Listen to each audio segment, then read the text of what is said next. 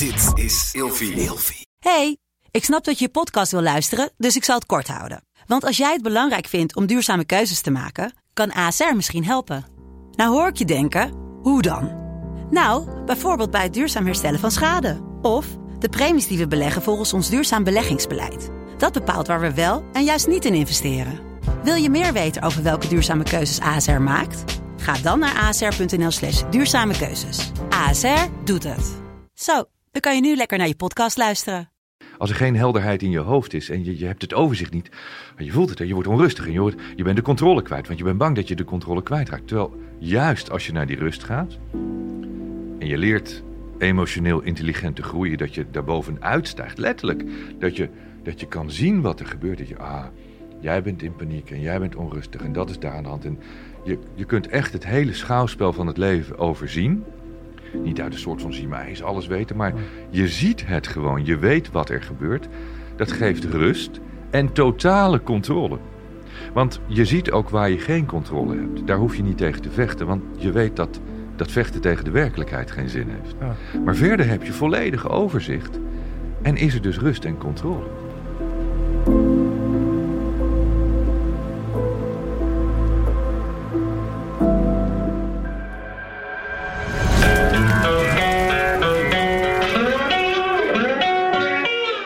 Welkom bij een nieuwe aflevering van Scherpschutters. Heel erg tof dat jullie allemaal weer kijken en luisteren. Ik heb heel erg veel zin in vandaag. We gaan een aantal onderwerpen bespreken die mij in ieder geval heel dicht bij het hart liggen. Eigenaarschap nemen in het leven, een heldere visie hebben en het mooiste leven leven wat je kan leven. Oftewel rammen met je kadaver. En dat ga ik vandaag doen met een hele bijzondere gast, Michael Pilarczyk. Heel erg tof dat je er bent. Wat fijn dat ik er mag zijn. Ja, altijd leuk als ik uitgenodigd word. Ja, ik, ik, een van de dingen die ik dan heb, hè, ik ben een voorstander, eigenlijk een gelover van synchroniciteit. En uh, synchroniciteit is voor mij net zo logisch als bijvoorbeeld karma. Wat je geeft, krijg je terug. En synchroniciteit is voor mij ook zo'n dingetje waarbij soms, als je, als je leert voelen en je leert handelen op dat gevoel, dat je soms ineens denkt dat er, dat dingen dus kunnen ontstaan, zomaar ineens. Want ik heb jij dinsdag, kreeg ik ineens een ingeving, ik denk, ga Michael een berichtje sturen. En een paar dagen later zitten we hier. Het is toch te gek? Ja, ja. zo werkt het.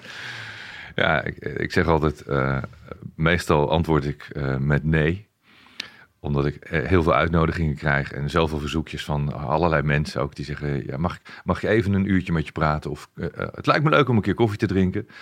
Er zijn zeker wel tien van dat soort uitnodigingen per dag, waar ik ja, op een hele vriendelijke manier dan probeer uit te leggen dat dat niet gaat. En toen kreeg ik jouw berichtje. En het is ook wel even goed om te weten van ja, waarom, waarom dan wel? Hè? Waarom zit ik dan hier? En je, je, stuurt ten eerste een hele heldere, duidelijke uh, mail met, met heel kort to the point waar het over gaat, wie je bent, wat je doet. Videootje erbij, ik klik erop, ik zie het, ik denk, oké, coole gast, ziet er leuk uit, praat over zinnige dingen, is goed. En daarbij speelt natuurlijk dat ik toevallig in Nederland ben uh, op dit Ja. moment.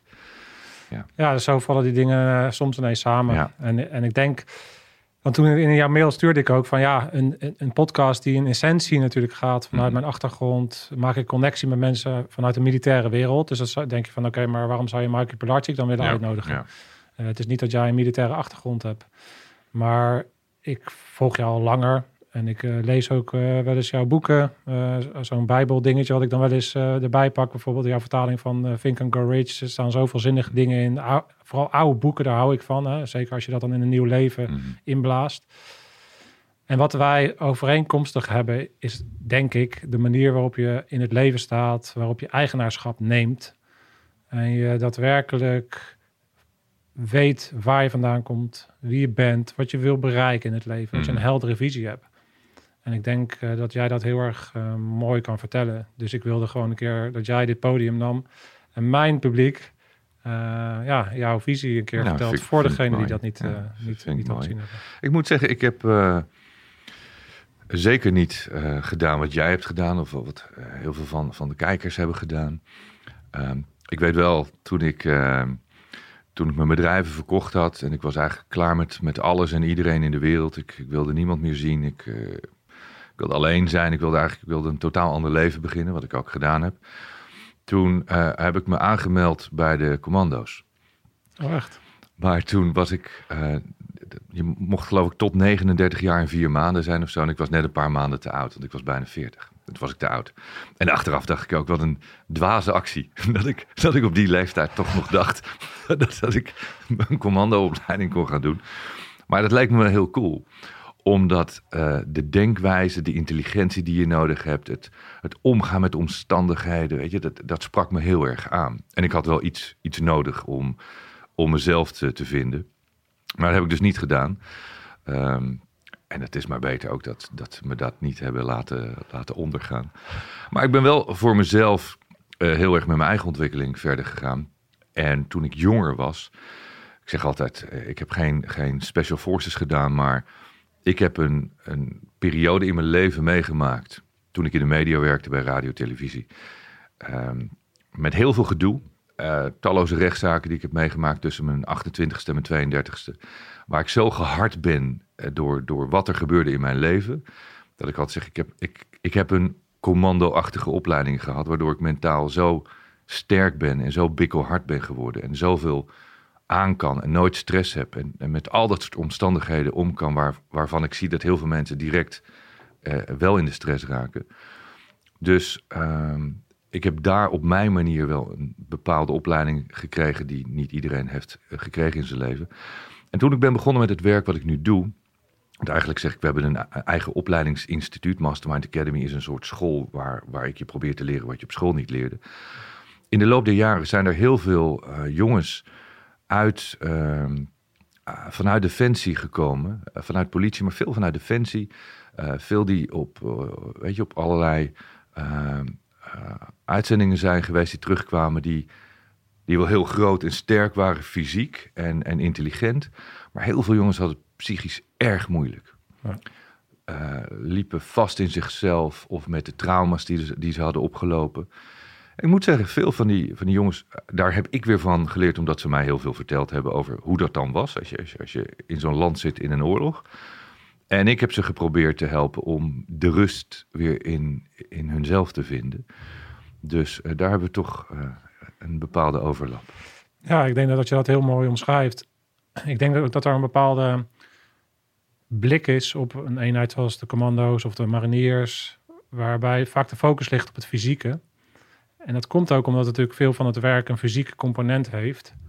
Maar ik denk dat het echt uh, verschil wat je kan maken als je een commando bent, zit hem veel meer in het mentale vlak. Hoe je omgaat met tegenslagen. En ook hoe je besluitvorming mechanisme eigenlijk is onderdrukken. Dus als jij, en, en die, dat, die besluitvormingsmechanismen zijn natuurlijk hetzelfde op het moment dat je met grote deals of er gaan dingen zakelijk mis. De stress die ik heb ervaren als ondernemer nadat ik marinier was, is vaak hoger geweest dan toen ik in een oorlogsgebied zat. Want de stress die erbij komt kijken als jij denkt van ik moet mijn huis uit omdat, en ik kan niet meer voor mijn dochter zorgen, doet als man, spreek even vanuit man, deed mij in ieder geval meer um, dan het gevoel van ik zit nu in Afghanistan en ik moet daar werken. Dus, dus stress kan je overal hebben. En het gaat vaak natuurlijk, de mensen die ik het meest interessant vind, zijn altijd de mensen die op een of andere manier in hun leven bepaalde tegenslagen hebben gehad, zoals jij ook net mhm. omschrijft. En daar een weg hebben gevonden om daar toch uit te komen. Omdat maakt je weerbaar uiteindelijk. Ja. Dat zijn de dingen waarin je de dingen ontwikkelt voor jezelf, waardoor je weerbaarder bent in de storm waarin je terechtkomt. Dat vond ik ook zo mooi in de dingen die jij ook al omschrijft over toen je op je bootje zat. Dan heb je de weersomstandigheden heb je, heb je niet in de hand. Er gebeuren dingen, er komt een storm op je af. Het enige wat je dan hebt is eigenlijk een soort van de zeemans skills die je op dat moment kan inzetten. Maar je hebt niet alles onder controle. Dat, dat besef is heel belangrijk. Dus ik denk dat het heel logisch is dat er mannen vanuit Defensie, mannen en vrouwen vanuit Defensie, want uh, er zijn ook heel veel uh, sterke vrouwen die daar mm -hmm. werken. Bij zo'n programma als bij jou op, op zoek gaan naar, oké, ik ben nou wel fysiek sterk. Ik, heb ook, uh, ik voel me ook wel sterk, maar op een andere manier voel ik me ook wel weer zwak. Want zeker als je uit de defensiewereld stapt, dan gaan er andere regels stappen en dan moet je jezelf weer opnieuw uitvinden. Dus dan kan het heel fijn zijn om iemand te hebben die je helpt om een heldere visie te krijgen. En dat kan je natuurlijk als geen ander. Ja. Nou, er zijn meer mensen die dat uh, heel goed kunnen hoor, maar ja, ik heb daar mijn specialisme van gemaakt om, om mensen op dat gebied mentaal te helpen. Ik, ik zag laatst ook uh, dat Dumfries ook, uh, er wordt dan heel groot uitgelicht ineens in de kranten van alsof het een wonder is. Hij heeft een mental coach en daarom is hij nu zo goed. Ik denk van ja, elke topsporter moet een mental coach hebben. S- Ik vind eigenlijk iedereen moet een coach hebben. eh, en de meeste mensen hebben een coach nodig. Omdat ehm, als we kijken naar de samenleving, er zijn heel veel mensen in de war. De meeste mensen hebben het niet eens door hoe erg ze in de war zijn. En ik, eh, dit soort uitspraken worden me dan heel vaak niet in dank afgenomen. Maar ga maar eens even met mensen serieus praten. Ja. Dan eh, weet je binnen 10 minuten waar mensen staan zonder dat ze doorhebben dat ze daar staan. En meestal is het wel met 3-0 achter. En daarom gaat het niet goed met heel veel mensen en niet met de samenleving. En we kunnen de hele wereld de schuld geven, maar het begint bij onszelf. Ja. Dus het zelfinzicht en het zelfbewustzijn is, eh, is een zaak die zo belangrijk is, waar, waar mensen eigenlijk niet mee bezig zijn. We zijn bezig met de buitenwereld en met alles wat er gebeurt. We zijn te weinig met onszelf bezig. Dat bedoel ik niet dat je heel egoïstisch moet zijn, maar je moet, je moet meer met jezelf bezig zijn om te weten wie je bent, waarom je doet wat je doet. Waar komen je gevoelens, je emoties vandaan? Waarom voel je die stress? Waarom voel je die angst? Waar ben je bang voor? Waarom kun je geen geluk ervaren? Waarom, waarom voel je geen liefde? Weet je, al dat soort dingen. Maar sommige mensen haken heel snel of die roepen dan van, oh, spiri spiri, eh, of eh, weet je, oeh. Zeker eh, als je een beetje coole doet bent met spierballen, denk je, ja, dat is niks voor mij. Maar je merkt vaak door die, die, laten we zeggen, fysieke spierkracht, proberen ze emoties en gevoelens en gedachten weg te drukken. Maar je drukt ze niet weg, hoe sterk je ook bent. Het is de bal die je onder water drukt. Er komt een moment, dan ben je, ben je fysiek even moe. En dan komt die bal boven en dan ben je mentaal heel zwak. Nou ja, 100%. Wij hebben het in deze podcast eh, zitten we inmiddels aan de 140 afleveringen. Dus ik heb ook natuurlijk een bepaald proces eh, doorgemaakt Mhm. in de zin van wat voor thema's naar boven komen. Eh, de kwetsbaarheid en, de, en ook de relatie daarmee, bijvoorbeeld tot PTSS, is ook wel regelmatig naar voren gekomen. En ik noem dat inmiddels, ehm, als ik kijk naar wat je net omschrijft, van de spierballen als kopingsmechanisme eigenlijk om dingen buiten de deur te houden. Dat noem ik eigenlijk, die laatste fa- fase gaat vaak over, als je, als je het hebt over die mannen die dan bij jou komen en dan wel sterk zijn fysiek, maar op zoek zijn naar iets anders. Ik noem dat de vergroeiing van de warrior. Mhm. Het heeft te maken met als je een bepaald moment. Het is eerst belangrijk om te leren sterk te zijn, eh, eh, te kunnen vechten. Maar er komt een bepaald moment in je leven waarop je een fase verder moet gaan. En dat is eigenlijk de integratie ook van die, wat wij dan vaak associëren als een softere kant. Maar wat ik denk dat helemaal de verkeerde benaming is. Het is, het is, het is gewoon het integreren van de emoties die je ook hebt. Want dat maakt het systeem ook compleet. Hè. Je hebt de gedachten, je hebt de emoties. Het is het, het is het integreren van de dingen die er leven in jezelf. En op het moment dat je dus de vergroeiing van een warrior hebt, dan kom je dus op een punt dat je die kwetsbare kant kan laten zien zonder dat het emotionele incontinentie wordt. En dat is een kunst, dat is een soort balans. Ja. Even een kort bericht van mij tussendoor. Voel je ook dat je meer zou kunnen? Dat je als het er echt om gaat, je niet 100% levert? Dat je uitstelgedrag vertoont, niet eens begint of het niet afmaakt? Heb je meer last van stress dan dat het je vriend is? Presteren, vooral onder druk, is een vorm van meesterschap. Zo zien wij dat bij scherpschutters. Het is geen trucje, maar een keuze. Wij hebben de meest complete gids gebouwd die er bestaat op het gebied van presteren onder druk. Gebaseerd op 50 jaar ervaring in de frontlinies. Toepasbaar voor iedereen. Check www.scherpschutters.online voor meer informatie. Nu snel weer terug naar de podcast. Ik noem het intelligentie. Het ja. is emotionele intelligentie. Ehm, en als je, die, als je daar niet voldoende over beschikt, beschik je dus automatisch over intelligente, intelligente domheid. Want als jij, je kan fysiek wel heel sterk zijn en heel krachtig zijn en je kan die warrior zijn, wat ik heel belangrijk vind, want ik vind dat er veel te weinig warriors zijn, maar je moet wel een intelligente warrior zijn. Want anders begin je een beetje domweg om je heen te slaan en dat is levensgevaarlijk. Je moet wel weten wat je doet en je moet, je, moet ook je omgeving begrijpen. Je moet inzicht hebben natuurlijk en daar heb je intelligentie voor nodig. En intelligentie is niet iets wat aangeboren is, dat is iets wat zich ontwikkelt door, doordat jij jezelf ontwikkelt. Net zoals dat je fysiek naar de sportschool gaat om je spieren te trainen, kun je intelligentie kun je ontwikkelen. Ik, ik, ik denk dat ik een veel intelligenter mens ben nu dan tien of twintig jaar geleden, omdat ik me daarin ontwikkeld heb, omdat ik gestudeerd heb. die balans moet er denk ik wel zijn tussen dat, hè, dat fysieke. En doordat je heel veel dingen hebt gedaan en ook heel veel dingen zijn mislukt. En je, Natuurlijk, da- en je daardoor intelligentie, eh, Ja. dus intelligentie opbouwt. Ja, maar je, je moet het ook op. Kijk, je leert door ervaring, door dingen die misgaan. Eh, maar doordat iets misgaat, betekent het niet automatisch dat je weet hoe het wel moet. Eh, dat, dat- dat- heel veel dingen gaan mis. En dan denken mensen, ik ben nu ervaringsdeskundige. Ja, op het gebied van misgaan. Maar je moet ook er- ervaringsdeskundige worden op het gebied van hoe los ik het op op een juiste, duurzame manier dat het sustainable is. De- dus dat is wel van belang natuurlijk. En, en daarvoor is die, ja, ik noem het echt intelligentie. Het is meer dan kennis. Want ik, ik, zie heel veel mensen boeken lezen. Ik zie heel veel mensen eh, studeren. Als je kijkt naar, naar mensen die gestudeerd hebben, die echt, echt de universiteit hebben gevolgd en, en afgemaakt op een goede manier. Wil niet zeggen dat ze intelligent zijn. Ze weten heel veel. Ja. Maar heel veel van die mensen weten niet hoe ze daar op een intelligente manier mee om moeten gaan. Dus intelligentie is belangrijk. Dat is ook, denk ik, wat, wat een beetje mist eh, in de samenleving.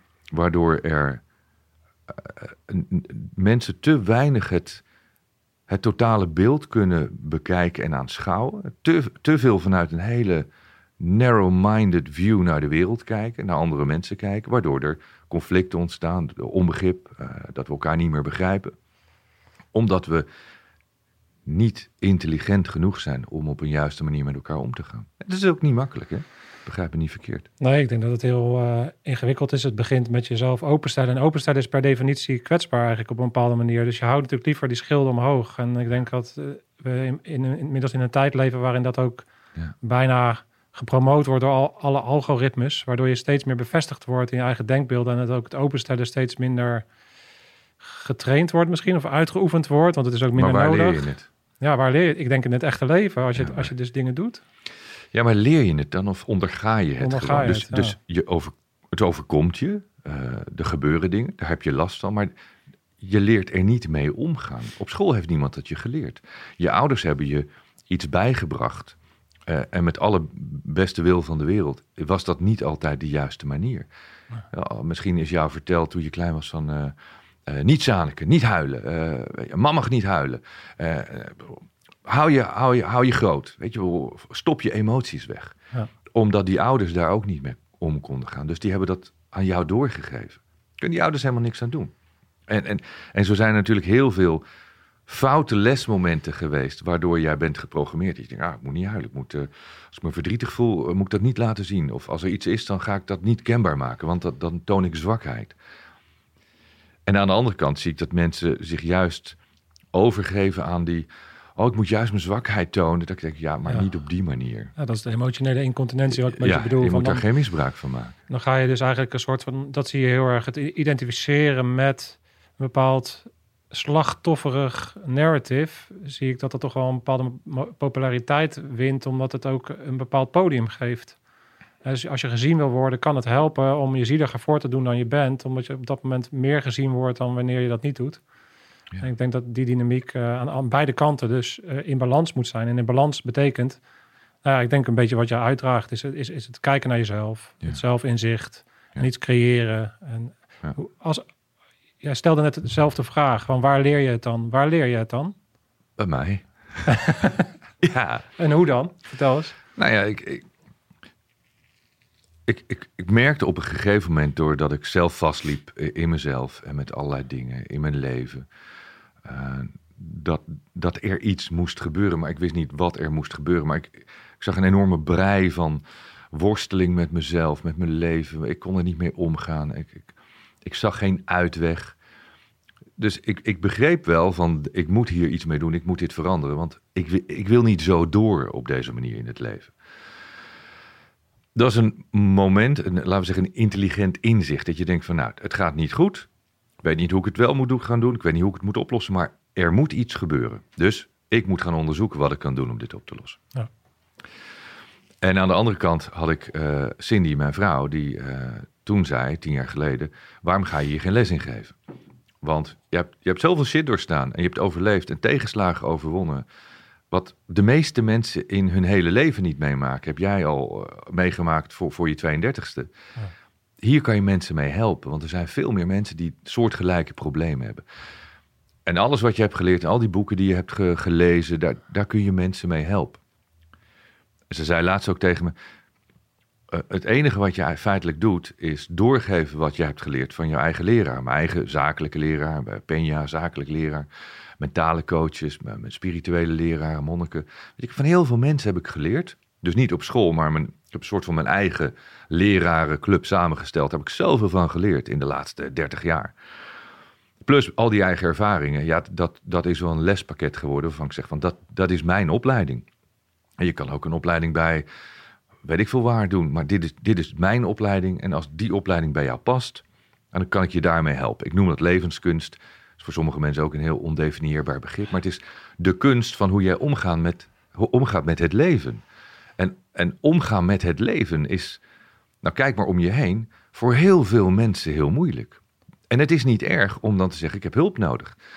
Want als ik een taal moet leren, dan moet ik naar een talenschool of naar, naar iemand die mij die taal kan leren. Of als ik, als ik naar de sportschool ga zelfs, dan heb ik mijn personal trainer nodig die mij leert hoe ik dat moet doen. Ja, ik snap ook wel dat ik aan zo'n rekstok moet gaan hangen en een gewicht op moet tillen. Ik snap het wel, maar, maar iemand die mij daarbij gaat begeleiden, die gaat me natuurlijk veel sneller daar krijgen waar ik wil zijn dan wanneer ik zelf maar wat ga doen. Ja. Buiten het feit dat uh, als ik zelf maar wat ga doen, wat ik de laatste tijd weer doe, dan doe ik het vaak niet. En als mijn trainer er staat, dan moet ik wel. Rammen met je kadaver. Maar je weet hoe dat gaat. En als hij zegt, we doen, we doen er twaalf. En bij twaalf zegt hij, nou, eentje meer gaat ook nog wel. Denk ik bij tien van, nou ja, bij negen kan ik ook wel stoppen. Weet je, en dat is altijd die, die discipline die voor mensen, uh, althans voor de meeste mensen en voor mij best wel moeilijk is. Dat ik denk van, ja, op het moment dat, dat er een trainer naast mij staat, dan ga ik door. Ik moet zeggen, ik, ik ben een ongelofelijke doordouwer en doorzetter. Maar ook dan kan ik wel eens in mijn zelfdiscipline me tekort doen, waardoor ik iemand nodig heb. En toen ik bij Dempeña, uh, uh, ik heb daar verschillende seminars gevolgd bij hem. mijn zakelijk mentor woont op een kasteel in Schotland, ga ik eens in de zoveel jaar naartoe.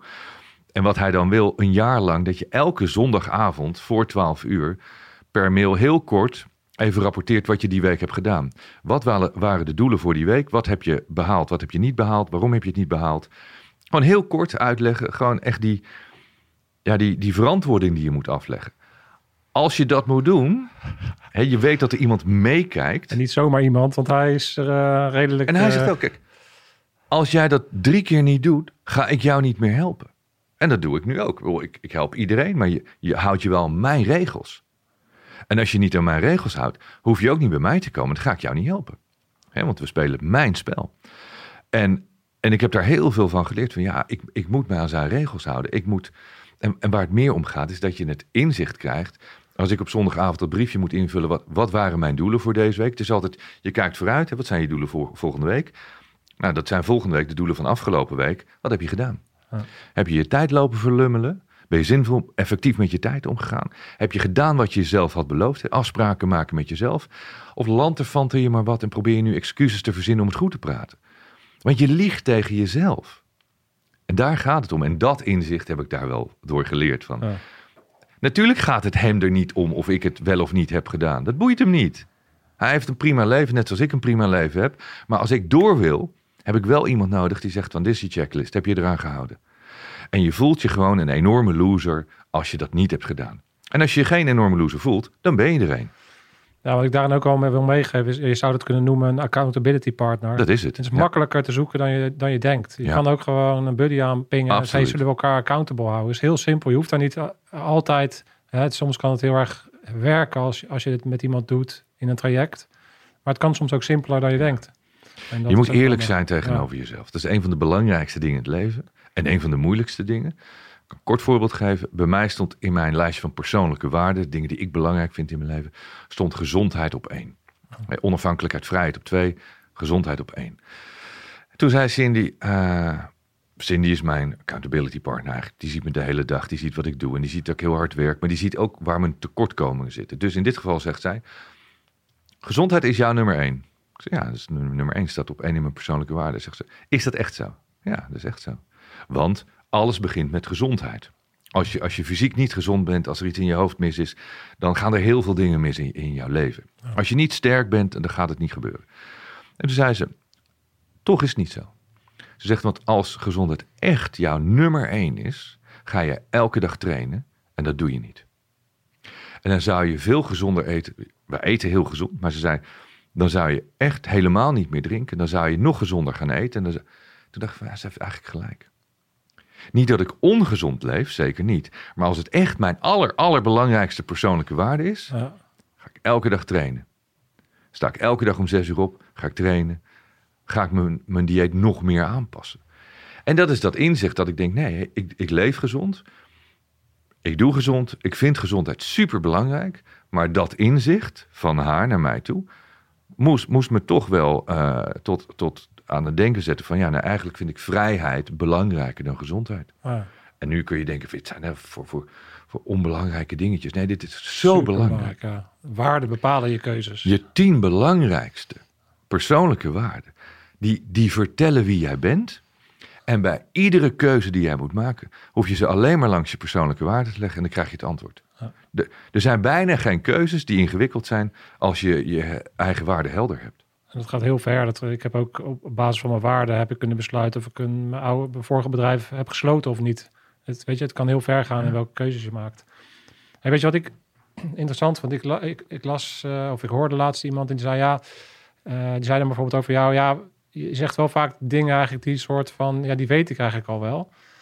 Zo, zo'n soort tekst was dat. En ik moest denken aan wat jij net zegt, is dat jij dus 30 jaar ervaring van jezelf, gekoppeld aan alle mentoren die in jouw leven zijn geweest. En dat enabled jou om op een hele simpele, uitlegbare manier de dingen te kunnen vertellen die belangrijk zijn. En ik moet altijd een beetje denken van, ja, als je iemand, eh, de Olympische kampioen, de 100 meter ziet rennen en die wint, het ziet eruit van, nou, volgens mij zou ik dat ook wel kunnen. Het ziet er zo makkelijk uit. En dat, dat is ook een beetje hetzelfde als, als hoe, hoe je je mentoren en je coaches zou moeten selecteren. Is kijk vooral naar wat diegene heeft gedaan, wat hij meebrengt. En hoe het komt dat die boodschappen zo simpel verkondigd kunnen worden. Want daar kan je daadwerkelijk je selectie maken. Op het moment dat je dus een coach hebt die zelf een burn-out heeft gehad, toen een coachingcursus heeft gedaan en daarna mensen helpt, met alle respect. Hè. Er zijn mensen die met alle goede bedoelingen dingen doen. Maar dat is wel de manier waarop ik daarnaar kijk. Want het feit dat jij de dingen simpel vertelt, betekent misschien wel dat ik, dat ik ze herken, omdat ze ook soort van vaak logisch zijn. Maar dat betekent niet dat er minder waarde in zit. En hoe ga je daar de waarde, dan uithalen en hoe selecteer je dan je mentors? Dat is ehm, ja, hoe ik daarnaar kijk. Hey, je hebt volkomen gelijk. Het is heel moeilijk om dingen simpel uit te leggen. Ga dingen maar simpel pro- proberen te vertellen. Als je met mensen praat en je stelt vragen en je zegt van leg het nou simpel uit, is het vaak moeilijk. Komen ze met hele lange verhalen of als jij de vraag stelt, ehm, of andersom zelfs dat mensen bij me komen zeggen ze, ja ik weet precies wat ik wil, ik heb het helemaal helder, maar eh, ik, ja, als ik het uit moet leggen dan is het heel moeilijk. Ik zeg nou ja, het is volkomen onduidelijk wat je wilt en het is totaal niet helder. Je hebt geen idee. Jawel, nee, ik weet het, ik weet het echt helemaal. Ik zeg nee, want als het echt zo helder is, kun je het nu gewoon in twee regels opschrijven. Kun je tekenen. En als je dat niet kunt, is het niet helder. Punt uit. Geen discussie. En dat andere wat je zegt, ehm, ja, het is ontstaan als een optelsom van heel veel ervaring, heel veel geleerd hebben.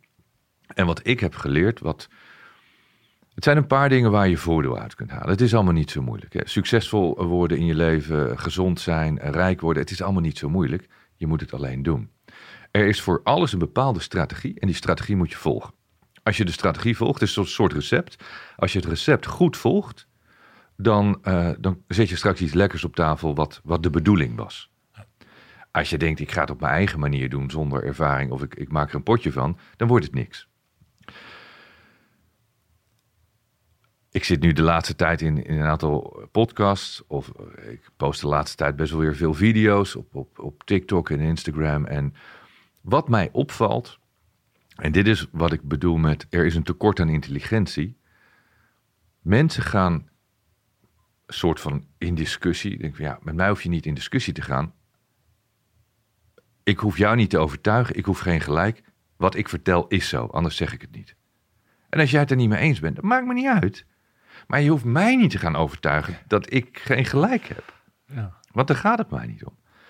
Als ik, als wij nu deze podcast doen en we zitten een uur, twee uur eh, leuke dingen te vertellen, interessante dingen, dingen waarvan ik denk van, Iedereen die nu luistert, die kan uit deze podcast vijf dingen halen. Kost niks, gratis. Alleen je moet er zelf wel wat mee gaan doen. Dus wat kost het je? Tijd, aandacht, energie. Geen geld, maar je moet goed luisteren en je moet die goede dingen eruit halen. Heel veel mensen luisteren dit verhaal en die denken: ja, wat hij zegt, daar ben ik niet mee eens. Daar ben ik niet mee eens. Nou, ik vind dat het anders is. En dan zie je onder zo'n podcast in de reacties dit soort dingen. Ik ben het er niet mee eens. Ja, dat is niet zo. Ja, bij mij is het anders. Hij heeft het makkelijk praten. Oh, Ik heb makkelijk praten, dat is absoluut waar. Daar, daar heb je gelijk in. Alleen ik heb nu heel makkelijk praten, omdat ik het heel lang niet zo makkelijk heb gehad. En daarom is het nu makkelijk. En ik heb heel veel geoefend met het praten. Dus eigenlijk het gouden advies wat ik iedereen wil meegeven is... als je naar mensen luistert, of dat nou naar jou, naar mij is... naar iemand op straat, naar je partner... het maakt niet uit, naar iedereen, want je kunt van iedereen leren... maar zeker als je naar leraren luistert... haal eruit waar je iets mee kan... Ga je aandacht nou niet richten op datgene waarvan je denkt dat is onzin, daar kan ik, ik niks mee, of dat, dat vind ik niet belangrijk. Richt je aandacht op die paar dingen waarvan je denkt, daar kan ik wat mee. Als ik filmpjes zie, ik zit ook heel vaak op YouTube te kijken, denk ik van wauw, mooi inspirerend filmpje. Denk ik van nou, dit vind ik allemaal onzin, maar dat ene ding wat die gast vertelt, daar ga ik me in verdiepen, daar ga ik wat mee doen. En ik ben het ook niet met alles eens wat mijn mentoren zeggen. Ik heb spirituele leraren waarvan ik af en toe denk, ja, die, die zitten wel te veel in, in het spirituele. Daar sla, sla ik even af, hè, of ik sla Ja, over. ja. Wat Den Peña vertelt, ben ik het ook niet altijd mee eens. En ook niet de manier waarop hij dat vertelt. Het is niet mijn manier. Nee. Dat weten we van elkaar. Dat maakt niet uit. Hij is zoals hij is, ik ben zoals ik ben. Maar inhoudelijk roept hij zoveel goede dingen. En elke keer, ook nu weer, denk ik van...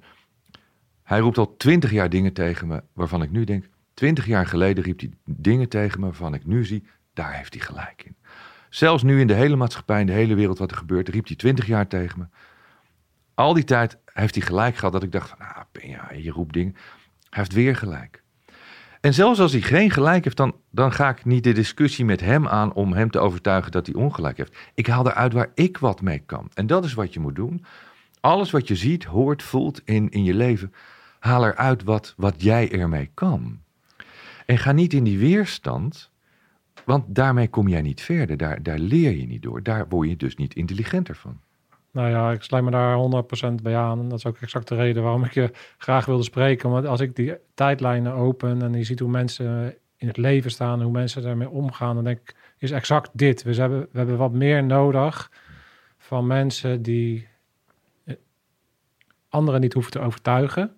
Die een stukje meer luisteren.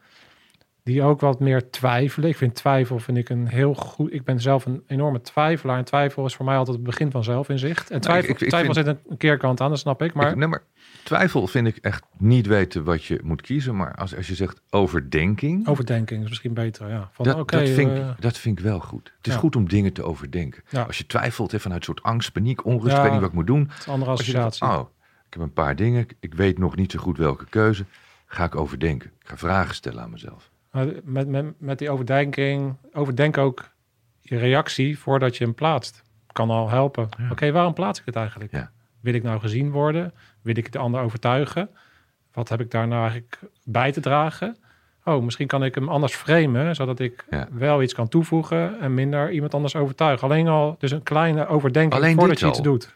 De- alleen dit moment, als je op social media gaat reageren, dat kan zo waardevol voor jezelf zijn dat je denkt van waarom, wil, waarom reageer ik zo? Waarom voel ik dit nu zo? Waarom ga ik dit nu plaatsen? Wat heeft iemand anders daaraan? En vaak is het pijn. Want jij hoort het verhaal altijd op jouw manier. En doordat je geraakt wordt, kijk, of je zegt, hey, ik ben het ermee eens, ik vind het tof, ik vind het te gek, want eh, ik sta aan jouw kant. Ja. Hè? Dus je, je kiest die partij en dan is het allemaal duimpjes omhoog. Of het is pijn. Het raakt mij, want ik zou ook graag zo willen zijn. Ik zou ook graag zo willen denken. Ik zou ook graag een leuker leven hebben. Ik zou graag niet die pijn willen ervaren, niet die angst, niet die stress, maar die heb ik. En die ga ik nu uiten. Ja. Want ik moet het op dat moment kwijt. Heel vaak is het een roep om aandacht. Niet aandacht in de verkeerde zin van het woord, maar ik heb hulp nodig. Het is, het is een soort hulproep. Ik heb hulp nodig. Ik heb aandacht nodig. Iemand moet mij helpen. Ik zit ergens mee en daar kom ik niet uit. Want anders zou ik deze manier eh, van reageren niet kiezen. Dat, dat betekent dat heel veel mensen eh, ja, hopelijk daar zelf inzicht uit kunnen halen. Door wat jij zegt, er even over na te denken. Maar voor andere mensen is het ook belangrijk dat als je ziet dat, dat iemand zo reageert, dat, dat, dat je niet in een conflict terecht moet komen of direct dit moet gaan doen. Maar begrijp dat diegene hulp nodig heeft. Dat diegene iets, iets anders nodig heeft dan wat hij zegt. En daarom reageer ik ook heel vaak op dat soort berichten van, ja, wat wil je nu eigenlijk zeggen met, met, met deze reactie? Of kan ik je ergens mee helpen? Of, en dan zie je als je met mensen in gesprek gaat, niet allemaal, sommige mensen blijven heel stug, weet je, van ja, ja, ja, ja, die boosheid die zit zo diep. Maar anderen die denken dan, oh, hij reageert. Oh, ik, ik mag een vraag stellen en dan, dan kom je in gesprek en dan soms in een DM'tje kan ik mensen helpen. En dan, dan zie je dat mensen het anders gaan zien. Een stukje verzachting ontstaat Ja. er. En dan, en, en dan, en dan komt er ruimte om verbinding te maken. Ja. En dan elkaar wel te horen eigenlijk. Ja, jij noemde het woord luisteren. Dat is zo belangrijk dat we naar elkaar kunnen luisteren. En luisteren betekent niet alleen luisteren naar jouw woorden, die al heel veel zeggen. Maar heel vaak bedoelen wij iets anders dan dat we zeggen. Dus het komt niet helemaal duidelijk uit de woorden die wij gebruiken. Maar als je goed luistert naar wat iemand zegt en vooral tussen de woorden door, of wat iemand zegt, dat je denkt, nou, zonder een eigen interpretatie van, oh, dat zal wel dit zijn of dat zijn, of jij zal wel denken dat, nee, dat is gevaarlijk. Maar als je daarin getraind bent op een gegeven moment, en daar moet je wel een bepaald psychologisch onderlegd niveau voor hebben, maar dan, dan ga je voelen van, ah, er zit iets heel anders achter. En dan kun je met gerichte vragen, kan ik met jou in gesprek gaan, een open gesprek zonder dat jij direct de deuren dichtgooit, omdat ik jou aanval voor jouw gevoel. Nee, omdat ik jou de ruimte geef van, goh, vertel eens. Maar wat is er dan? En als ik die, die ingang vind, ja, dan, dan meestal binnen no time kan ik je wel een richting geven. Ja, ja ik denk eh, dat dat...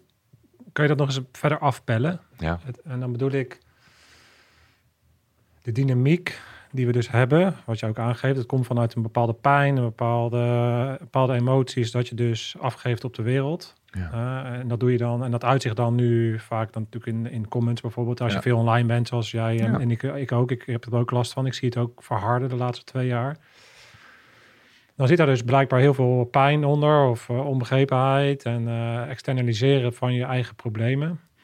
En als je dat dan koppelt aan wat jij aangeeft van als je goed luistert naar bijvoorbeeld een podcast of naar, naar, naar bepaalde mensen die dingen doen, dan kan je dus eigenlijk de, inge- eigenlijk de strategie al naar voren trekken. En het enige wat dus niet lukt, blijkbaar, is het te doen.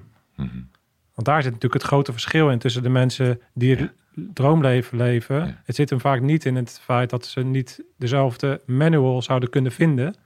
Zeker niet met in de huidige tijd met alle podcasts en mensen zoals jij en iedereen die eigenlijk zoveel gratis waarde weggeeft. Maar het zit hem dus blijkbaar in het doen. En als je die, die twee dingen eens aan elkaar koppelt, het doen, het, of het niet willen doen, of het niet doen om een bepaalde reden en, en het naar buiten richten van die pijn. Ik zal proberen eh, kort en duidelijk uit te leggen en stel jij vragen als het niet duidelijk genoeg is. Het gaat ten eerste om het begrijpen. Jij zei, eh, veel mensen die roepen dan, ja, dat weet ik allemaal al. Sommige mensen die weten dat. Hè. Er zijn heel veel mensen die het wel weten, dat klopt. Die weten het allemaal, maar die doen het niet. Je moet wel doen wat je weet. Want als je niet doet wat je weet, dan, dan gebeurt er niks. Zonder actie geen resultaat. Dan zijn er, en dit is een hele grote groep, een hele grote groep denkt het te weten, maar weet het niet. Dus heeft een, een misplaatst zelfbeeld, ehm, dus een misperceptie van, nou, ik, ik weet het allemaal wel. Heel veel mensen zijn ervan overtuigd dat ze het weten en ook begrijpen, maar ze weten het niet en begrijpen het dus zeker niet. Dan is er nog een groep mensen die weten het echt wel, maar ze begrijpen het niet. Want op het moment dat je gaat uitvoeren wat jij weet, dan begrijp je het. Als je het op de juiste manier uitvoert, datgene wat jij weet, wat je geleerd hebt, een strategie, een, een trainingsprogramma, op welke manier dan ook, als je dat gaat uitvoeren, stap voor stap, kom je daar waar je wilt zijn. Maar je moet het wel doen. Als ik jou een trainingsschema geef, eh, emotioneel, eh, emotioneel eh, financieel, psychologisch, fysiek, en jij gaat niet aan de gang met dat programma, dan gebeurt er niets. Ja. Het is het, leg- het legendarische voorbeeld altijd van... ja, ik, ik heb een abonnement op de sportschool... maar ik ben nog nooit geweest. Ja, dan gebeurt er niks. Je kunt zeggen, ja, maar ik ben heel gemotiveerd. Ja, maar motivatie, enthousiasme, gedrevenheid... het is allemaal geen fuck waard als jij niet in actie komt. En dat geldt voor alles. En mensen komen in actie, want die gaan zeggen... ja, maar... In mijn geval. En jij kent mijn situatie niet. En jij hebt makkelijk praten. En ja, maar ik wil je helpen. Ik wil je helpen. Maar, maar jij moet het doen. En je hoeft mij niet te overtuigen van jouw beperkingen, want die zie ik ook wel. Jouw beperking is dat jij gelooft in je eigen beperkingen. Maar je moet gaan geloven in wat er wel kan. Je moet niet alleen maar bezig zijn met het probleem. Als je altijd maar bezig bent met het probleem, ben je niet bezig met de oplossing. Het enige wat je moet doen is bezig zijn met de oplossing. Het probleem doet er niet toe. Goed, gaan we terug. Dus er komt informatie tot jou, op welke manier dan ook, in de samenleving. Iemand roept wat tegen je. Gewoon in het dagelijks leven, de hele dag gebeurt dit. Er komen dingen tot je. Je leest dingen, je ziet dingen. Je, je bent bezig op internet. Al die informatiestromen. Daar komt informatie uit voort. Wat weet je? Is die informatie waar? Klopt het? Is het juist? Begrijp je die informatie? Begrijp je het ook echt? En als ik les geef, zeg ik van oké, dit is de informatie, dit is de les die ik geef. Begrijp je het? Ja? Doe een soort proefwerk. Dan krijg je opdrachten en vragen van mij. Zeg goh, ik dacht dat ik het begreep, maar eh, nu ik de opdrachten moet maken, kom ik erachter dat ik het toch niet begrijp. Want ik weet niet wat de antwoorden zijn. Gaan we terug. Gaan we het nog een keer uitleggen. En het gaat allemaal over zelfkennis. Alles wat ik doe, zelfkennis gaat over jou. Want ik wil dat jij jezelf beter leert kennen als mens. Ik weet hoeveel mensen zichzelf niet goed kennen. Omdat ik ieder jaar 3.000, 4.000 mensen heb die meedoen aan mijn programma's. En altijd na verloop van tijd zie je dat mensen zeggen... Jezus ik, ik ben best wel een beetje geschrokken. Want ik dacht dat ik mezelf veel beter kende. Maar nu heb ik mezelf pas echt leren kennen. En nu begrijp ik waarom ik altijd zo reageer. Of nu begrijp ik waarom ik dat no- nooit durf te doen. Dus dat zelfinzicht is zo belangrijk. Dus je moet op een gegeven moment wel open kunnen staan om te zeggen: Ik wil leren. En ik wil leren betekent niet ik ben dom of ik snap het niet. Nee, ik wil leren, want ik wil groeien, ik wil verder, ik wil mezelf verbeteren, ik wil een leuker leven. En dat betekent niet dat je, dat je multimiljonair moet worden of, of weet ik veel, wereldkampioen. Daar gaat het niet om. Het gaat erom dat jij jouw leven leuker kunt inrichten.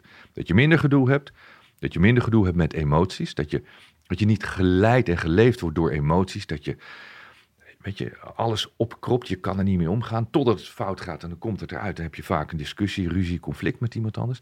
Als je goed met jezelf kunt omgaan, als je jezelf begrijpt, ga je andere mensen ook veel beter leren begrijpen. Als je andere mensen leert te begrijpen, kun je veel beter met andere mensen omgaan. Op alle gebieden in je leven. Relationeel, in je eigen relatie, met je vrienden, met mensen op straat, met je baas, met personeel, met, met iedereen, maar vooral met jezelf.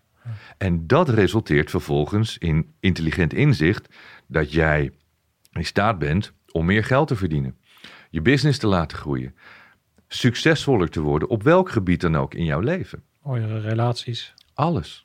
Liefdevolle relaties. Dat je echt meer gaat genieten van het leven. Dat je dankbaar wordt. Dat je gaat inzien dat je ergens dankbaar voor kunt zijn. En ik begrijp. Hè, Ik, ik ben nu een paar dagen in Nederland en ik, ik ben veel op straat geweest. Ik heb, ik heb heel veel ziekenhuizen doorgebracht. Ik heb veel mensen gezien. En ik, ik schrik best wel van, van het leven wat ik zie op straat. Hoeveel, ik zie zoveel pijn bij mensen.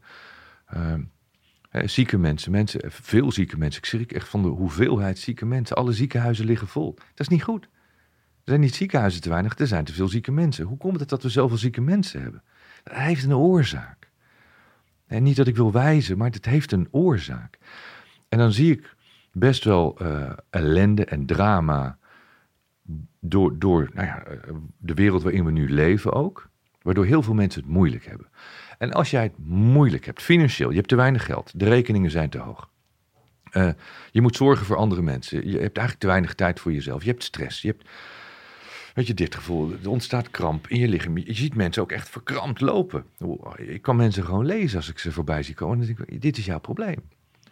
En ik wil je helpen. Het gaat mij niet om dat ik gelijk heb. Want ik wil jou helpen. En ik hoop dat er meer mensen zijn die, die dat gaan doen, die, die anderen kunnen helpen. Maar het beste is als jij jezelf kunt helpen. En dat, je, dat jij je eigen coach kunt zijn.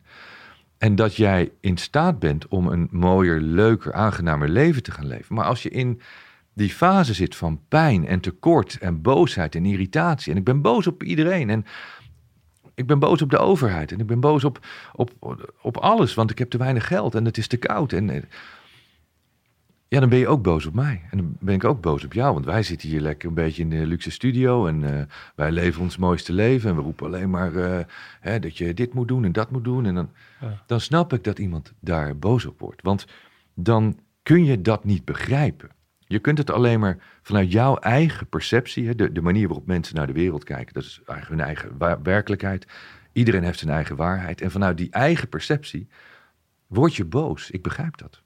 En, en je moet dus eerst tot rust zien te komen om, om eigenlijk helderheid in je hoofd te krijgen van wacht even, ik moet even gaan kijken, waar sta ik nu? Altijd de drie vragen die ik stel. Waar sta je? Waar wil je naartoe? En wat is er nodig om van waar je nu bent, daar te komen waar je naartoe wilt? Als alleen maar boosheid en onrust en chaos is, dan ja, alsof je los bent in een grote stad waar je de weg niet kent. En je wordt alleen maar boos dat je niet weet waar je bent en waar je naartoe moet. Ja, en dat is denk ik wat er met veel mensen speelt op dit moment. Ja, het is wat ik mooi zie, is de vergelijk ook. En het is bijna een soort frustrerend om te zien dat het, dat het zo met elkaar te maken heeft. Want de reden dat we dan op dat soort comments eigenlijk induiken is omdat het zo van naar boven brengt. Namelijk ook exact het feit waarom je die stap dus niet maakt. Is, is echt, die dynamiek is exact hetzelfde. Het boos zijn en het afreageren op iemand is exact de reden waarom je niet in staat bent om de lessen tot je te nemen, zodat je open staat om te leren. Want openstaan betekent dat je dus nieuwe informatie tot je kan nemen. Openstaan betekent dat je verbinding kan maken met mensen.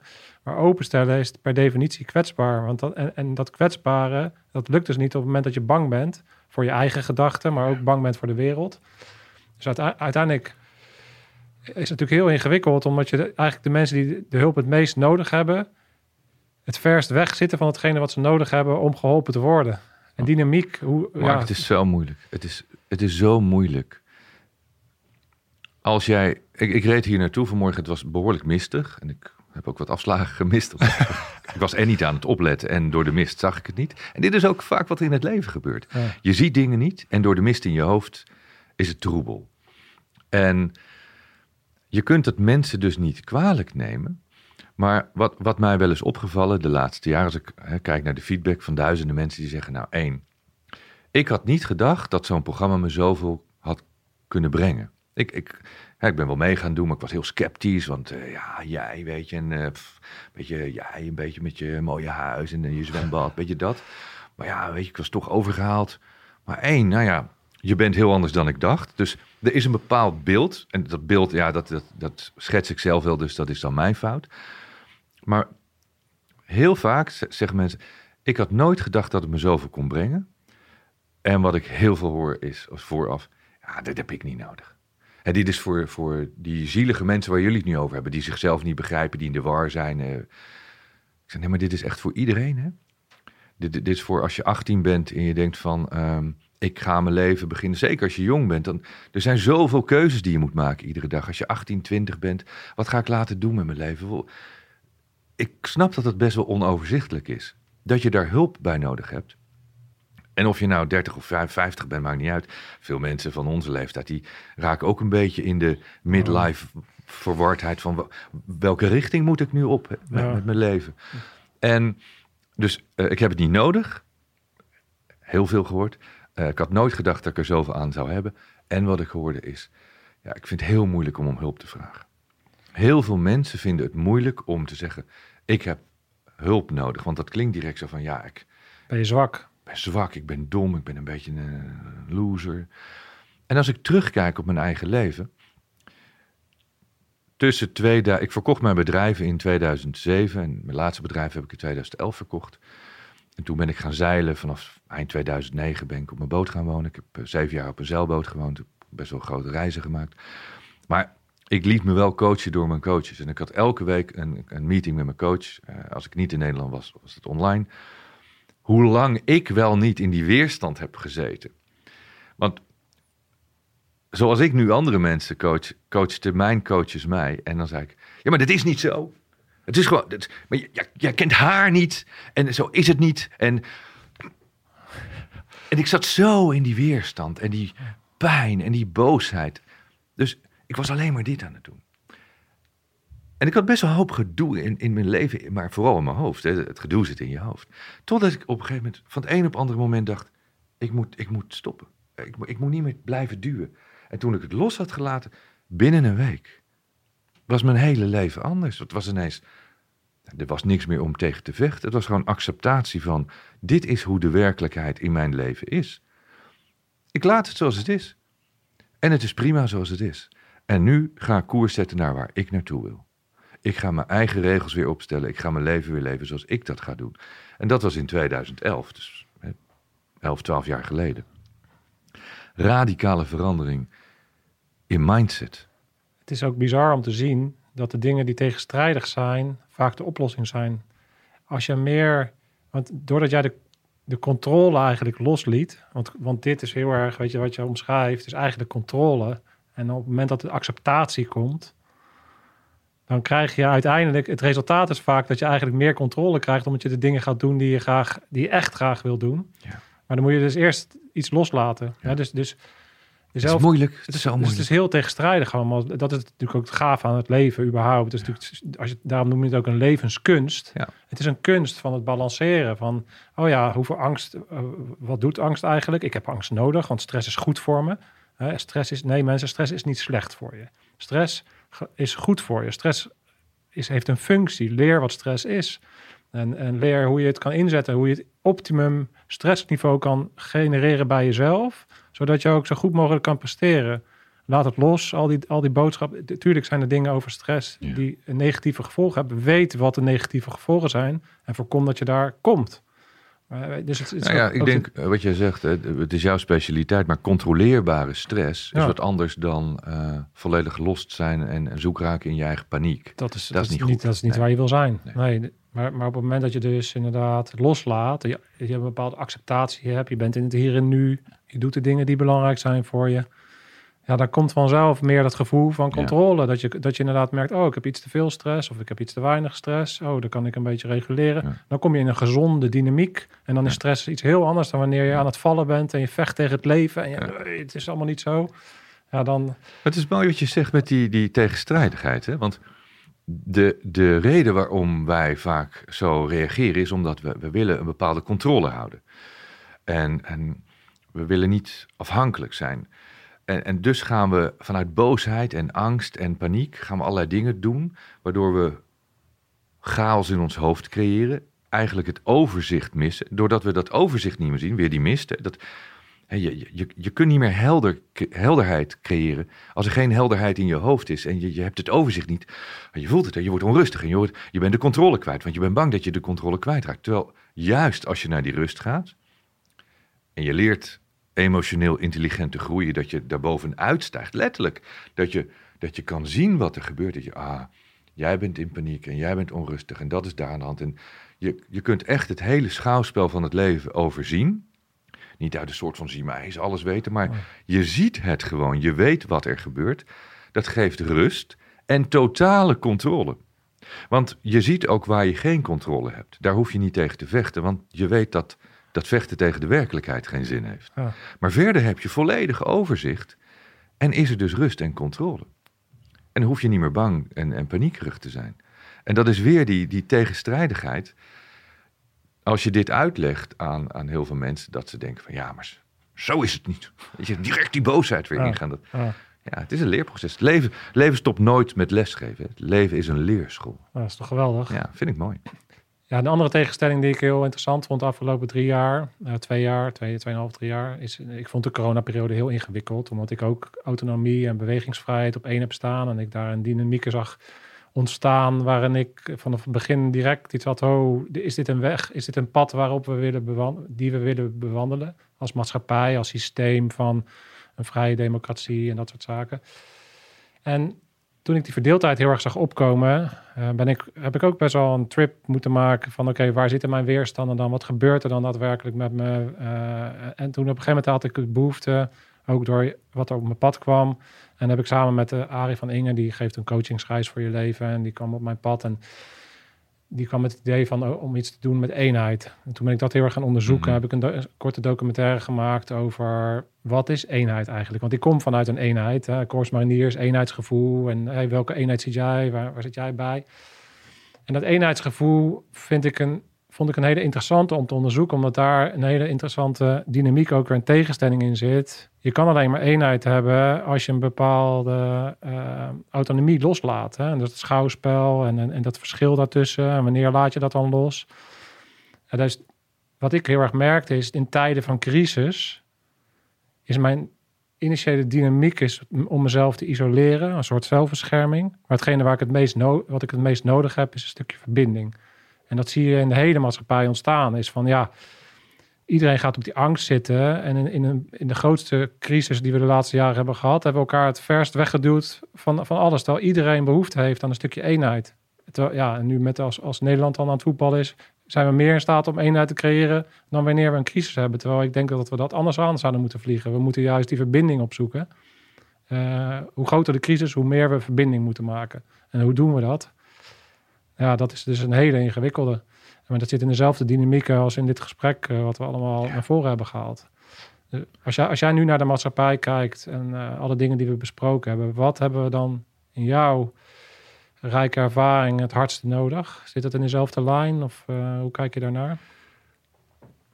We, we hebben een totaal gebrek aan vertrouwen. Doordat er geen vertrouwen is in de samenleving, in de samenleving aan zich. Er is geen vertrouwen meer in de mensen om je heen. Er is geen vertrouwen in de overheid. En er is geen vertrouwen meer in geld. Dus eigenlijk hebben we nergens meer vertrouwen in. Want door wat er gebeurd is de laatste jaren, hebben wij iets meegemaakt wa- wat in onze generatie nog niet heeft bestaan. Iets wat wij niet hadden kunnen bedenken dat het ooit zou gebeuren. Dat je huis niet uit mag, dat er een avondklok is, dat je wordt opgesloten, dat je eh, een label krijgt. Jij mag wel, jij mag niet. Er is iets gebeurd met, met onze psyche, met ons mentale vermogen, wat, wat we nooit hadden kunnen verwachten in ons leven. Wij dachten dat dat soort dingen na de, de laatste oorlog wel voorbij waren. En we zien nu dat er dingen zijn waar wij niet op zijn voorbereid, waar we eigenlijk niet van begrijpen wat er gebeurt, maar waar we wel van voelen, dat voelt iedereen, er gebeurt iets dat niet klopt. Er gebeurt iets dat niet, niet prettig is. Dit is. Er is iets niet oké. En dus ga je in, in de stress, in de angst. Dat is je natuurlijke reactie als, als mens. hè. Dat, dat brein denkt, wow, er is nu gevaar. Er is gevaar. We weten niet wat het gevaar is. Maar er is gevaar. Er klopt iets niet. En iedereen gaat zijn eigen verhaal maken. En toen het net begon, ben ik ook in die, noem het, angst-stressmodus geschoten. Ook in mijn uiting op social media ging ik ook wel eh, ver. Was ik ook wel radicaal. Dat ik dacht van ja, hallo, mijn vrijheid staat op het spel. Ze gaan mijn vrijheid afnemen. Ik mag niet meer mijn huis uit. Ik, en ik kan daar heel goed mee leven. Want ik kan heel goed tegen gezag als dat intelligent gezag is. Als ik weet dat een gast zoals jij, als wij nu een eenheid hebben en er is altijd één teamleider, dan luister ik. Ik heb gezeild. Ik heb eh, wedstrijden gezeild op zee. Ja, dan is er altijd een kapitein. Meestal ben ik de kapitein, behalve als ik grote wedstrijden zeil. Ja, dan is er een of andere wereldkampioen eh, de kapitein, niet ik. Dan mag ik een touwtje trekken. En dan doe ik wat hij zegt. En dat moet ik goed doen, ik moet goed luisteren. Want daarvoor is hij de leider van het team. Jij weet hoe dat werkt. Als er een stelletje niet-wits ineens aan het roer gaan staan, die orders gaan uitdelen, denk jij: holy fuck, wacht even. Dit schip gaat zinken. Ik ga aan het roer staan, en dit is wat iedereen heeft gedaan. Wacht eens even. Nu staan er een stelletje nitwits die gaan vertellen wat ik moet doen, met het risico dat mijn leven eraan gaat. Want het, het enige waar we primair echt bang voor zijn, is om dood te gaan.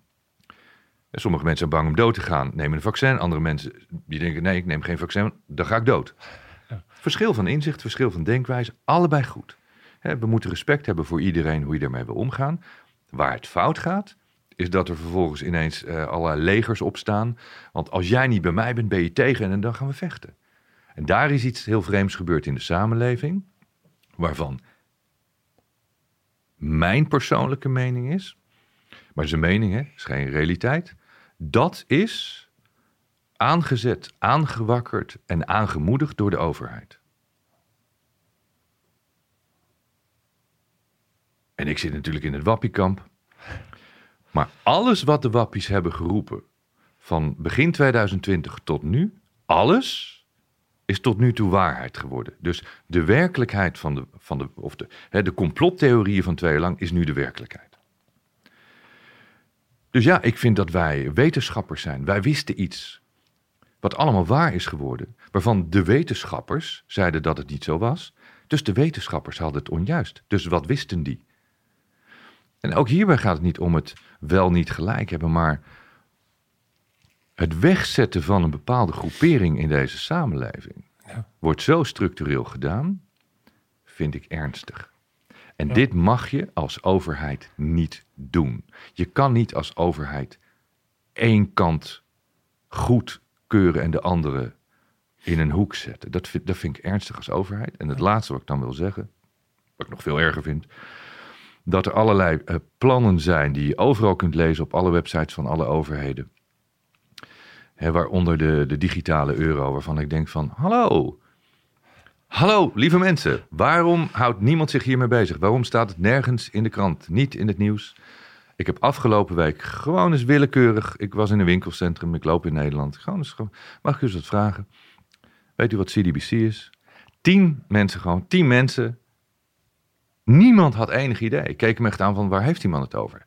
Kun je zeggen, ja, je loopt gewoon in een winkelcentrum. Ja, maar ik loop gewoon in een winkelcentrum waar er honderden van zijn in Nederland. En ik vermoed dat er miljoenen mensen geen idee hebben wat het is. En ik denk als jij een televisieuitzending maakt en je zegt, we gaan de digitale euro introduceren en dat betekent dat we gewoon onbeperkt geld van uw rekening kunnen halen. Hè, of u dat nou wil of niet. U bent niet meer eigenaar van uw eigen bezittingen. En u krijgt een nummertje. En eh, dat nummertje, daarmee gaan we alles registreren wat u eh, doet. En als we vinden dat u zich niet aan onze regels houdt, dan krijgt u strafpunten. Dan mag u bijvoorbeeld dus een week niet naar buiten. Hè, of je mag straks eh 10 minuten luchten per dag en de rest moet je binnen blijven. Even heel gechargeerd. Nou, wilt u dat? Nou, dan denk ik dat eh 99% van Nederland gaat zeggen: nee, dat, dat, dat willen wij niet. Maar ik zie het gebeuren. En als ik dan nu ook met mijn, mijn intelligente vrienden praat en ik zeg van, wat vind je van die digitale euro? Ja, maakt toch niet uit, is toch handig? eh, eh, Ja. En ik heb niks te verbergen. Ik zeg, nee, ik heb ook niks te verbergen. Gaat het niet om. Ik zeg, maar nu hebben we nog wat. En straks nemen ze alles misschien van je af, omdat je geen owner meer bent van je eigendom. Ja, Weet je wat het interessante is aan deze hele discussie? Ik heb daar laatst toch bij mezelf ook, ben ik ook te raden gegaan. Waar gaat het nou eigenlijk over? En waarom heb ik dan dus een bepaalde connectie wel? Als ik naar jouw verhaal zit te luisteren en dat hele wappie-verhaal. En met, met welke mensen heb je dan weerstand gehad? Dan kom ik toch een beetje uit op het principe weer van bepaalde waardes die je hoger hebt staan dan anderen. En dat heeft te maken met kies je voor vrijheid of kies je voor veiligheid. En ik denk dat er gewoon heel veel mensen toch vanuit een bepaald hoe ze in elkaar zitten, een bepaalde risicoanalyse. Kijk, ja, je, zal, je weet wat voor werk ik heb gedaan. Ik heb bepaalde risicoanalyses gemaakt op de dingen die ik heb gedaan, die totaal anders zijn natuurlijk dan iemand die eh, voor de klas heeft gestaan zijn hele leven. En het is niet goed of kwaad, eh, slecht, maar het is het feit dat ik een bepaalde risicoanalyse heb gemaakt, waarin ik veel meer risico liep met mijn eigen leven om de dingen te doen die ik wilde, ten opzichte van iemand die een veiliger pad kiest. En ik zie heel erg dat daar natuurlijk een soort dat we in een soort transitieperiode zitten waarin die groepen van oké, wat willen we nou? Willen we nog meer veiligheid Eh, of willen we vrijheid? En dat zie je nu ontstaan met alle censuur, zelfs de censuur die nu op de wetenschap plaatsvindt door alle systemen die daarop eh, eh, ja, drukken met allerlei lobby's en met geld en met alle systemen.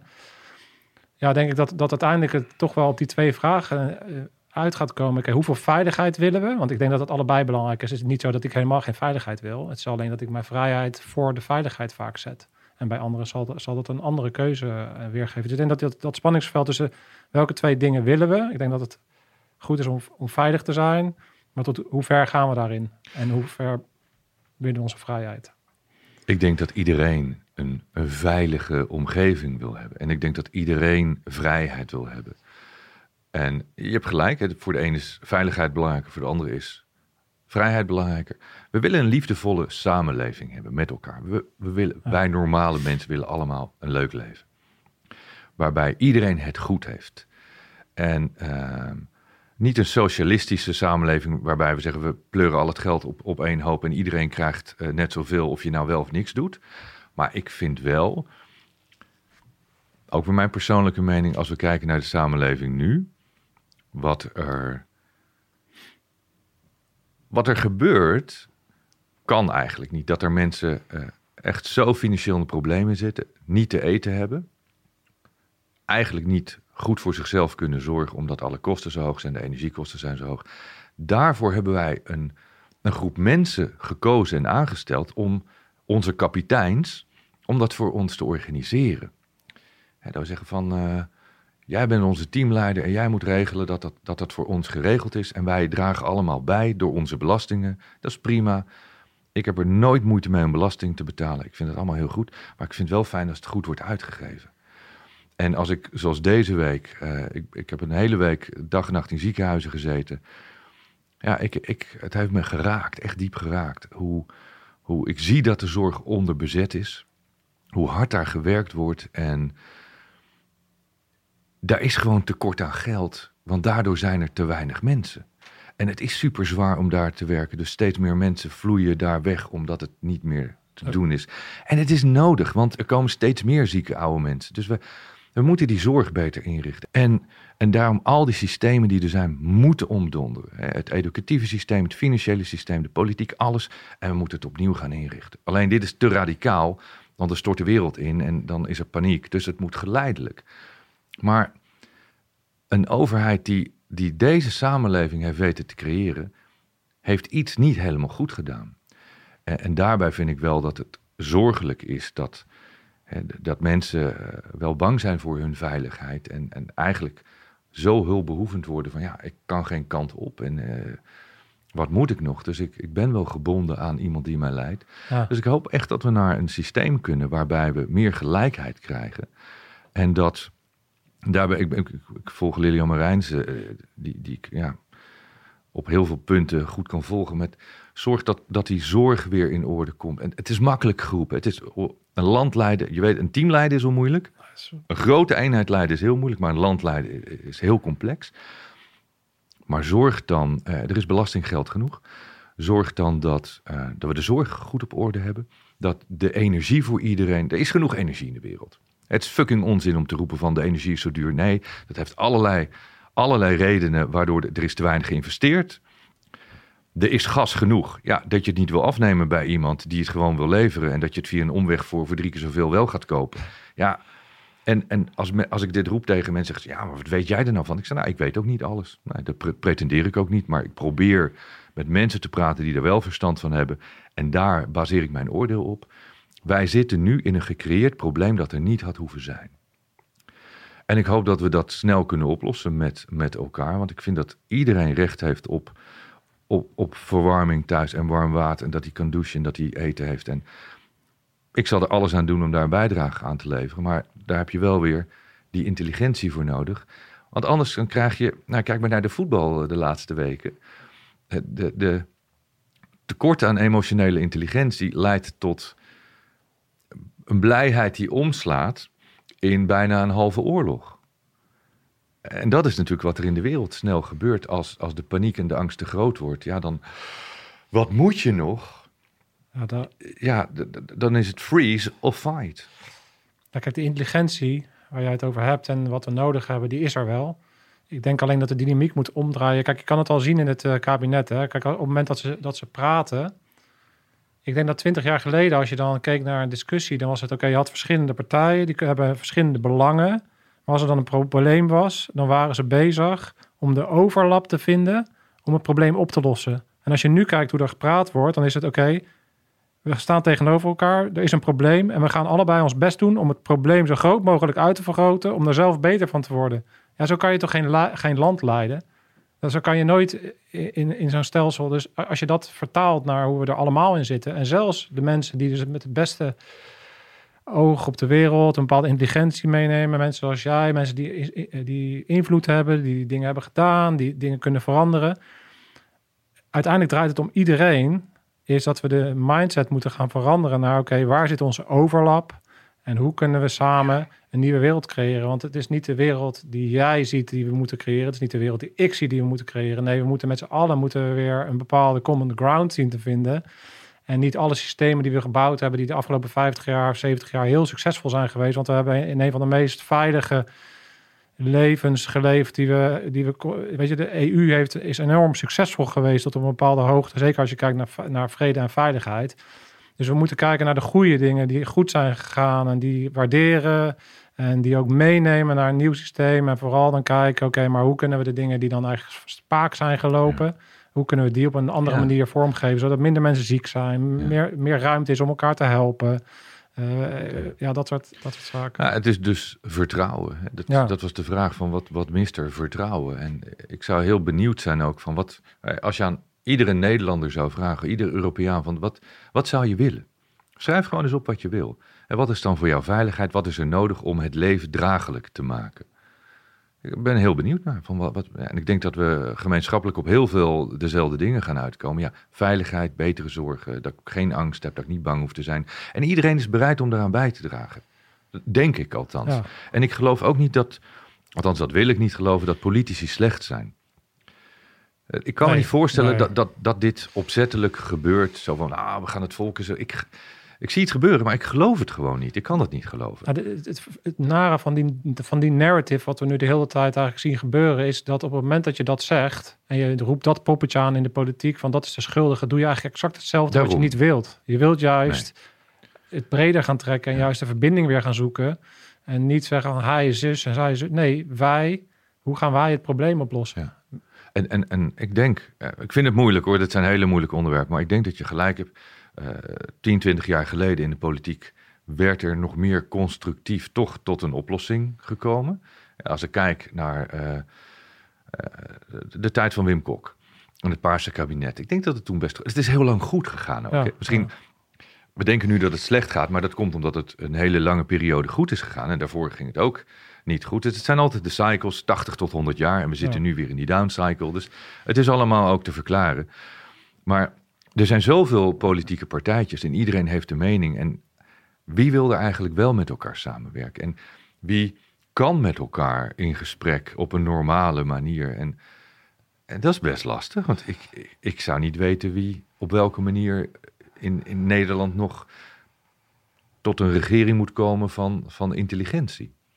Nou ja, Dat is heel moeilijk. dat, dat, is, dat is denk ik de grote puzzel. en, en laat de extremen dan maar met elkaar regeren. als dat nodig is. Maar, maar dat, niemand wil dat.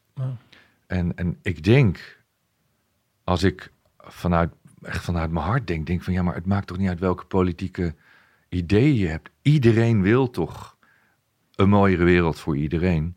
En natuurlijk, de ondernemer die zal denken, ja, maar ik wil dat het voor mij iets beter gaat met mijn ondernemingen, dat ik niet te veel belasting betaal.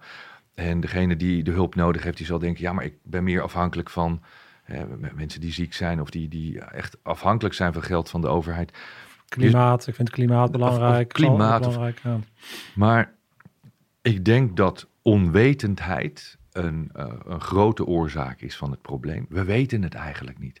Ik weet het niet. Ik durf te zeggen dat ik het niet weet, ondanks dat ik er enorm in verdiep en denk heel veel te weten. Ik weet het gewoon niet. Ik weet niet hoe het echt, echt zit met het klimaat. Ik weet niet hoe het echt zit met, met allemaal dubbele agenda's. Ik denk dat ze er zijn. En ik denk dat er van het klimaat een, een veel te grote eh, probleem wordt gemaakt.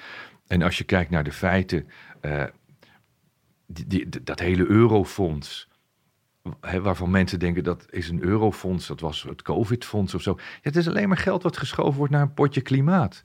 Ja, maar wie is dat potje klimaat? Waar gaan die honderden miljarden naartoe? Waar, waar belandt dat geld? Wat gaan ze daarmee doen? Niemand die het weet.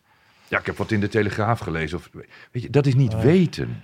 Nee, kijk, het, het feit dat we met de EU op het einde van het systeem gekomen zijn, heeft te maken met natuurlijk de, de politieke factor die nu zit bij mensen die wij helemaal niet gekozen hebben.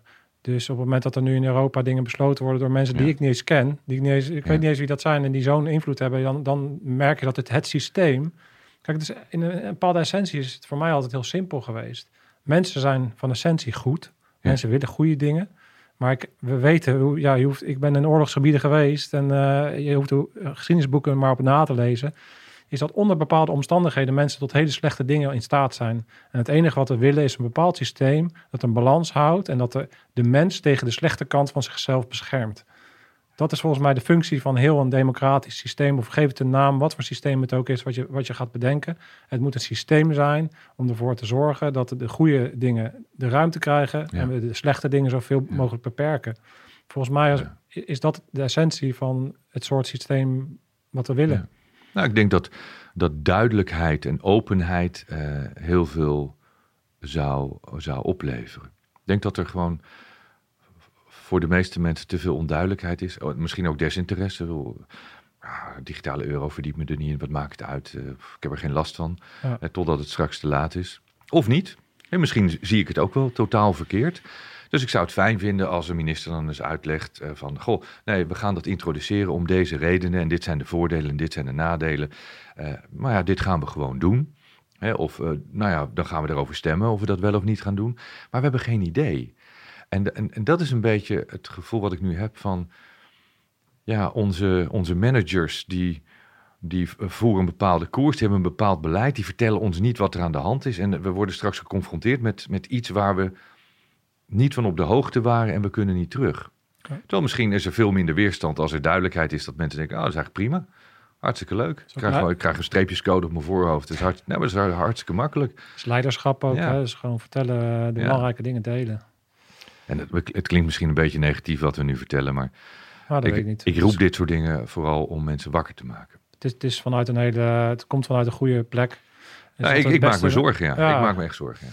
Je maakt je zorgen en je ziet dat het beter kan. En dan wil je graag natuurlijk dat de dingen beter gaan en wil je daarbij bijdragen. Dus het is kritiek, maar op een manier dat we, denk ik, heel open gewoon dingen bespreken die we zien. En uh, ja, dat moet toch de essentie uiteindelijk ook zijn. En dingen bespreekbaar kunnen maken en het erover hebben. Uiteindelijk is dat ook waar we het de hele tijd over hebben in dit gesprek ook. Nou, dat is in mijn optiek de definitie van samenleving. Dat we dat samen doen. Ja. Ja. super mooi. Ik vond het heel mooi om met jou uh, zo van gedachten te wisselen. Als je, als je kijkt, we, zijn begonnen natuurlijk bij een stukje eigenaarschap. Ja, we een beetje een afslag genomen. Nee, maar, dat, maar het is mooi omdat je dan ziet van... Kijk, het gaat natuurlijk heel erg van ik kan pas iets bijdragen aan de wereld als, als ik een stukje focus op mezelf en weet waar ik vandaan kom, weet wat ik wil en hoe ik daar kom. Maar dat heb jij ook. Uiteindelijk is dat een hele eendimensionale kijk. Het gaat uiteindelijk waar je echte purpose uit haalt. Is op het moment dat je die dingen doet en je dus in die zin het meeste gewicht draagt wat je kan, omdat je die keuzes maakt, dat je ook wel kan bijdragen aan de wereld. En dan, is de, dan draait de wereld dus niet meer alleen maar om mij, maar ook om het hele grote systeem waar we het net over hebben gehad dat je daar ook het beste voor wil. Dus uiteindelijk is dat ook de hele cirkel die weer samenkomt. Is ja, jij bent, maar wat is eenheid en, hoe, en op welke manier verbind je je dan met de wereld om je heen? Dus, ja, we, we, zullen het met, met elkaar moeten doen. dus de verbinding is nodig, de verbondenheid is nodig. Mensen willen verbinding en als je, als je uh, dat niet wilt, dan kun je afzonderen, dat is prima. Maar, maar mensen willen samen zijn en uh, dat is hoe mensen zijn. Ja, ik denk dat ik op mijn manier een bijdrage lever. Jij doet dat op, op jouw manier door, door dit te doen. Uh, als iedereen zijn steentje bijdraagt, hoop ik dat, uh, dat we uit dat dal gaan komen. We zitten in een dal, dat is logisch, dat geeft helemaal niet. Moeten we doorheen. Wat belangrijk is om, om je te realiseren. Ik merk wel dat, dat er bij veel mensen uh, bepaalde angst is dat dit voor eeuwig is, dat het alleen maar slechter wordt. Maar dat is niet zo. Want ehm, de Tweede Wereldoorlog, ik heb het daar van de week met mijn vader nog eens uitgebreid over gehad. dat, dat, uh, wij woonden in Polen, hun huis werd ingenomen en uh, het huis werd bezet. En hij werd bij zijn ouders weggehaald en mijn opa ging een kamp in. En dat, dat leek ook nooit op te houden. En, en hij zei, ja, en, en, toen ineens was er de bevrijding. En als we dan door die laatste 70, 80 jaar heen gaan, dan zie je ineens van niets is voor eeuwig. Al die oorlogen, er zijn altijd oorlogen. Jij weet als geen ander, er zijn altijd oorlogen. Sommige zijn zichtbaar, heel veel zijn niet zichtbaar. Er zijn altijd onzichtbare conflicten, uh, diepere lagen die spelen. Maar alles gaat voorbij en, en, en er komt weer wat nieuws voor in de plaats. Dus we hoeven niet bang te zijn dat dit voor eeuwig is. We weten alleen niet hoe lang deze storm gaat duren. Misschien duurt het nog een jaar of twee, misschien nog tien jaar. Maar daarna ontstaat er jij noemde het heel mooi, een nieuwe wereld. Ik geloof in de nieuwe wereld. En die gaat komen. Ja, daar ben ik ook van overtuigd. En ik denk dat je dat heel mooi, uh, heel mooi omschrijft. En ik denk dat het daar ook uh, in die gedachte, deze bijzondere ontmoeting, die vanuit een bepaalde synchroniciteit zomaar spontaan eigenlijk uh, is ontstaan, kunnen, kunnen afronden. Dus dank je wel voor, voor het werk wat je hebt gedaan en al, al die 30 jaar en natuurlijk je hele leven waarop je de levenskunst uh, gefine-tuned hebt en op deze manier uh, overdraagt. ik denk dat dat wel heel erg belangrijk is. ik denk dat het mentorschap een pijler is in onze maatschappij die we veel meer ruimte zouden kunnen geven. Waarop uh, het is ook gewoon logisch. Als je een jaar of 18, 19 bent, dan zit je ook een stukje in de mist. En dan heb je de, de oudere mannen met misschien wat grijzere haren nodig. Die je af en toe even uit dat, uit dat beperkte levenszicht trekken. En, en, en uh, goede vragen stellen het pad tonen en soms gewoon kunnen zeggen: Het komt wel goed. Thanks, man. Dankjewel. Right. Uh, dank jullie wel dat jullie bij ons aanwezig waren tijdens het gesprek. Uh, laat vooral weten wat jullie ervan vinden. En uh, doe dat op een constructieve manier, zoals we besproken hebben. En dan komen we er wel. Dus dankjewel, jongens. Scherpschutters. Uit.